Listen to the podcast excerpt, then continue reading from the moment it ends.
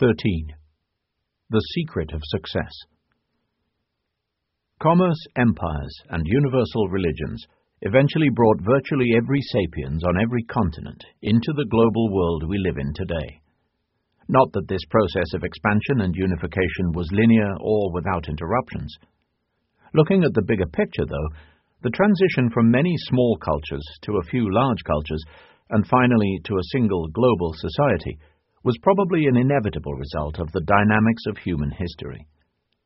But saying that a global society is inevitable is not the same as saying that the end result had to be the particular kind of global society we now have.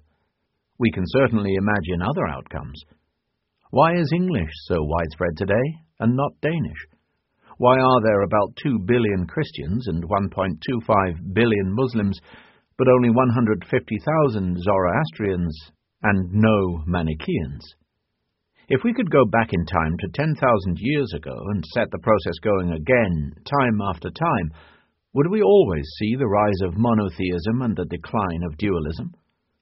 We can't do such an experiment, so we don't really know. But an examination of two crucial characteristics of history can provide us with some clues. 1. The hindsight fallacy. Every point in history is a crossroads. A single travelled road leads from the past to the present, but myriad paths fork off into the future. Some of those paths are wider, smoother, and better marked, and are thus more likely to be taken. But sometimes history, or the people who make history, takes unexpected turns. At the beginning of the 4th century AD, the Roman Empire faced a wide horizon of religious possibilities. It could have stuck to its traditional and variegated polytheism, but its emperor, Constantine, looking back on a fractious century of civil war, seems to have thought that a single religion with a clear doctrine could help unify his ethnically diverse realm. He could have chosen any of a number of contemporary cults to be his national faith Manichaeism, Mithraism, the cults of Isis or Cybele, Zoroastrianism, Judaism, and even Buddhism were all available options. Why did he opt for Jesus? Was there something in Christian theology that attracted him personally, or perhaps an aspect of the faith that made him think it would be easier to use for his purposes? Did he have a religious experience, or did some of his advisers suggest that the Christians were quickly gaining adherents and that it would be best to jump on that wagon? Historians can speculate, but not provide any definitive answer. They can describe how Christianity took over the Roman Empire, but they cannot explain why this particular possibility was realized. What is the difference between describing how and explaining why? To describe how means to reconstruct the series of specific events that led from one point to another. To explain why means to find causal connections that account for the occurrence of this particular series of events to the exclusion of all others. Some scholars do indeed provide deterministic explanations of events such as the rise of Christianity. They attempt to reduce human history to the workings of biological, ecological, or economic forces. They argue that there was something about the geography, genetics, or economy of the Roman Mediterranean that made the rise of a monotheist religion inevitable. Yet most historians tend to be skeptical of such deterministic theories. This is one of the distinguishing marks of history as an academic discipline. The better you know a particular historical period, the harder it becomes to explain why things happened one way and not another. Those who have only a superficial knowledge of a certain period tend to focus only on the possibility that was eventually realized. They offer a just so story to explain with hindsight why that outcome was inevitable. Those more deeply informed about the period are much more cognizant of the roads not taken. In fact, the people who knew the period best, those alive at the time, were the most clueless of all. For the average Roman in Constantine's time, the future was a fog. It is an iron rule of history that what looks inevitable in hindsight was far from obvious at the time. Today is no different. Are we out of the global economic crisis, or is the worst still to come? Will China continue growing until it becomes the leading superpower? Will the United States lose its hegemony? Is the upsurge of monotheistic fundamentalism the wave of the future, or a local whirlpool of little long-term significance? Are we heading towards ecological disaster or technological paradise? There are good arguments to be made for all of these outcomes, but no way of knowing for sure. In a few decades, people will look back and think that the answers to all of these questions were obvious. It is particularly important to stress that possibilities which seem very unlikely to contemporaries often get realized. When Constantine assumed the throne in 306, Christianity was little more than an esoteric Eastern sect. If you were to suggest then that it was about to become the Roman state religion, you'd have been laughed out of the room just as you would be today if you were to suggest that by the year 2050, Hare Krishna would be the state religion of the USA. In October 1913, the Bolsheviks were a small, radical Russian faction. No reasonable person would have predicted that within a mere four years they would take over the country. In AD 600, the notion that a band of desert-dwelling Arabs would soon conquer an expanse stretching from the Atlantic Ocean to India was even more preposterous. Indeed, had the Byzantine army been able to repel the initial onslaught, Islam would probably have remained an obscure cult of which only a handful of cognoscenti were aware. Scholars would then have a very easy job explaining why a faith based on a revelation to a middle-aged Meccan merchant could never have caught on. Not that everything is possible. Geographical, biological, and economic forces create constraints. Yet these constraints leave ample room for surprising developments, which do not seem bound by any deterministic laws. This conclusion disappoints many people who prefer history to be deterministic. Determinism is appealing because it implies that our world and our beliefs are a natural and inevitable product of history.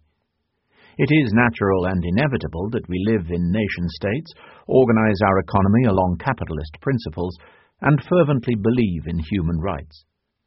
To acknowledge that history is not deterministic is to acknowledge that it is just a coincidence that most people today believe in nationalism, capitalism, and human rights. History cannot be explained deterministically, and it cannot be predicted because it is chaotic. So many forces are at work, and their interactions are so complex that extremely small variations in the strength of the forces and the way they interact produce huge differences in outcomes. Not only that, but history is what is called a level 2 chaotic system. Chaotic systems come in two shapes. Level 1 chaos is chaos that does not react to predictions about it. The weather, for example, is a level 1 chaotic system. Though it is influenced by myriad factors, we can build computer models that take more and more of them into consideration and produce better and better weather forecasts. Level 2 chaos is chaos that reacts to predictions about it, and therefore can never be predicted accurately. Markets, for example, are a Level 2 chaotic system. What will happen if we develop a computer program that forecasts with 100% accuracy the price of oil tomorrow? The price of oil will immediately react to the forecast, which would consequently fail to materialize. If the current price of oil is $90 a barrel, and the infallible computer program predicts that tomorrow it will be $100, traders will rush to buy oil so that they can profit from the predicted price rise. As a result, the price will shoot up to $100 a barrel today rather than tomorrow. Then what will happen tomorrow? Nobody knows. Politics, too, is a second-order chaotic system. Many people criticize Sovietologists for failing to predict the 1989 revolutions and castigate Middle East experts for not anticipating the Arab Spring revolutions of 2011.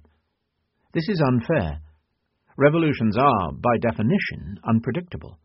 A predictable revolution never erupts. Why not? Imagine that it's 2010 and some genius political scientist in cahoots with a computer wizard have developed an infallible algorithm that, incorporated into an attractive interface, can be marketed as a revolution predictor. They offer their services to President Hosni Mubarak of Egypt, and in return for a generous down payment, tell Mubarak that according to their forecasts, a revolution would certainly break out in Egypt during the course of the following year. How would Mubarak react? Most likely, he would immediately lower taxes, distribute billions of dollars in handouts to the citizenry, and also beef up his secret police force just in case. The preemptive measures work. The year comes and goes, and surprise, there is no revolution. Mubarak demands his money back. Your algorithm is worthless, he shouts at the scientists. In the end, I could have built another palace instead of giving all that money away. But the reason the revolution didn't happen is because we predicted it, the scientists say in their defense. Prophets who predict things that don't happen, Mubarak remarks as he motions his guards to grab them. I could have picked up a dozen of those for next to nothing in the Cairo marketplace. So why study history? Unlike physics or economics, history is not a means for making accurate predictions.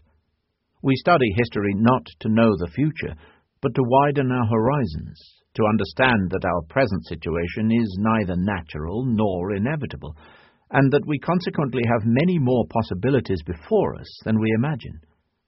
For example, studying how Europeans came to dominate Africans enables us to realize that there is nothing natural or inevitable about the racial hierarchy, and that the world might well be arranged differently. 2. Blind Clio we cannot explain the choices that history makes, but we can say something very important about them. History's choices are not made for the benefit of humans.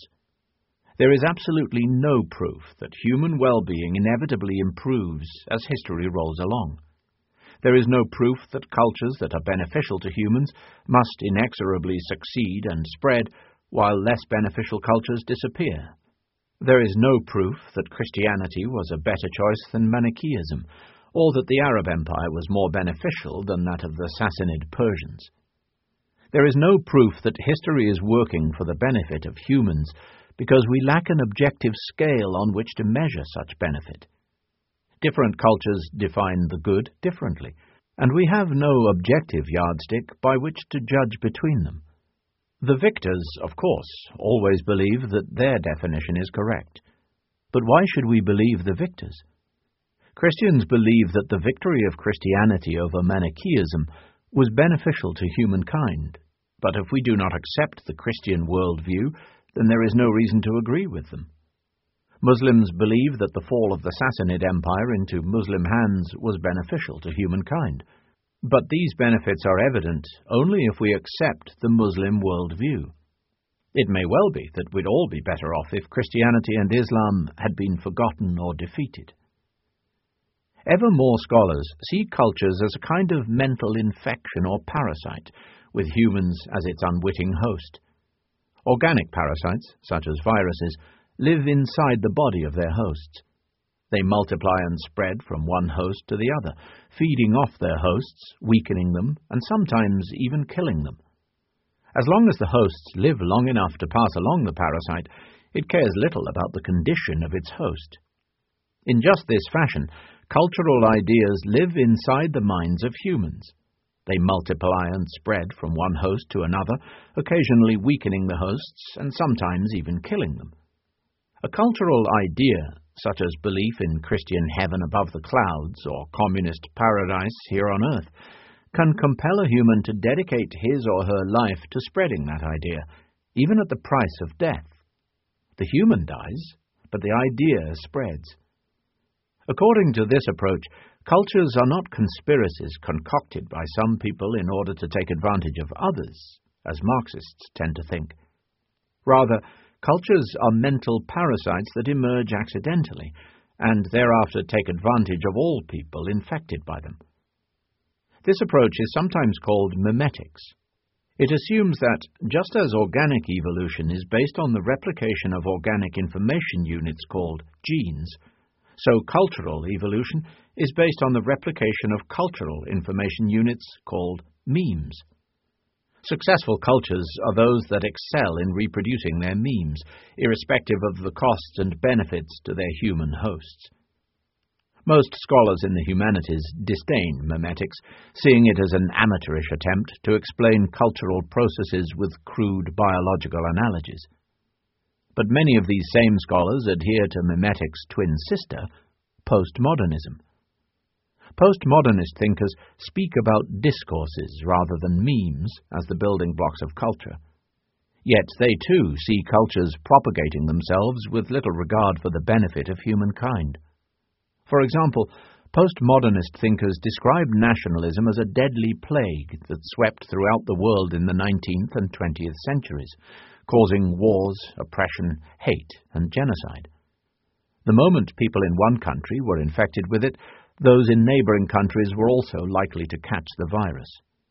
The nationalist virus presented itself as being beneficial for humans, yet it has been beneficial mainly to itself. Similar arguments are common in the social sciences under the aegis of game theory. Game theory explains how in multiplayer systems, views and behavior patterns that harm all players nevertheless manage to take root and spread. Arms races are a famous example. Many arms races bankrupt all those who take part in them, without really changing the military balance of power. When Pakistan buys advanced aeroplanes, India responds in kind. When India develops nuclear bombs, Pakistan follows suit. When Pakistan enlarges its navy, India counters. At the end of the process, the balance of power may remain much as it was, but meanwhile, billions of dollars that could have been invested in education or health are spent on weapons. Yet the arms race dynamic is hard to resist.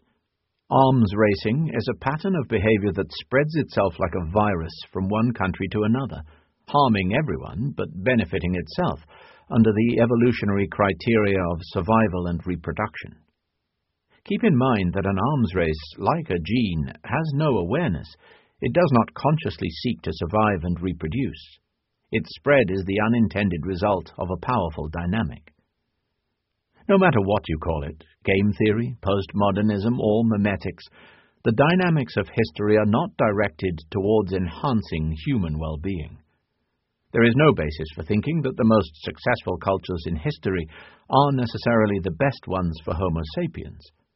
Like evolution, history disregards the happiness of individual organisms and individual humans, for their part, are usually far too ignorant and weak to influence the course of history to their own advantage. History proceeds from one junction to the next, choosing for some mysterious reason to follow first this path, then another. Around AD 1500, history made its most momentous choice, changing not only the fate of humankind, but arguably the fate of all life on earth. We call it the Scientific Revolution. It began in Western Europe, a large peninsula on the western tip of Afro-Asia, which up till then played no important role in history. Why did the scientific revolution begin there, of all places, and not in China or India? Why did it begin at the midpoint of the second millennium AD, rather than two centuries before or three centuries later? We don't know. Scholars have proposed dozens of theories, but none of them is particularly convincing. History has a very wide horizon of possibilities, and many possibilities are never realized. It is conceivable to imagine history going on for generations upon generations while bypassing the scientific revolution, just as it is conceivable to imagine history without Christianity, without a Roman Empire, and without gold coins.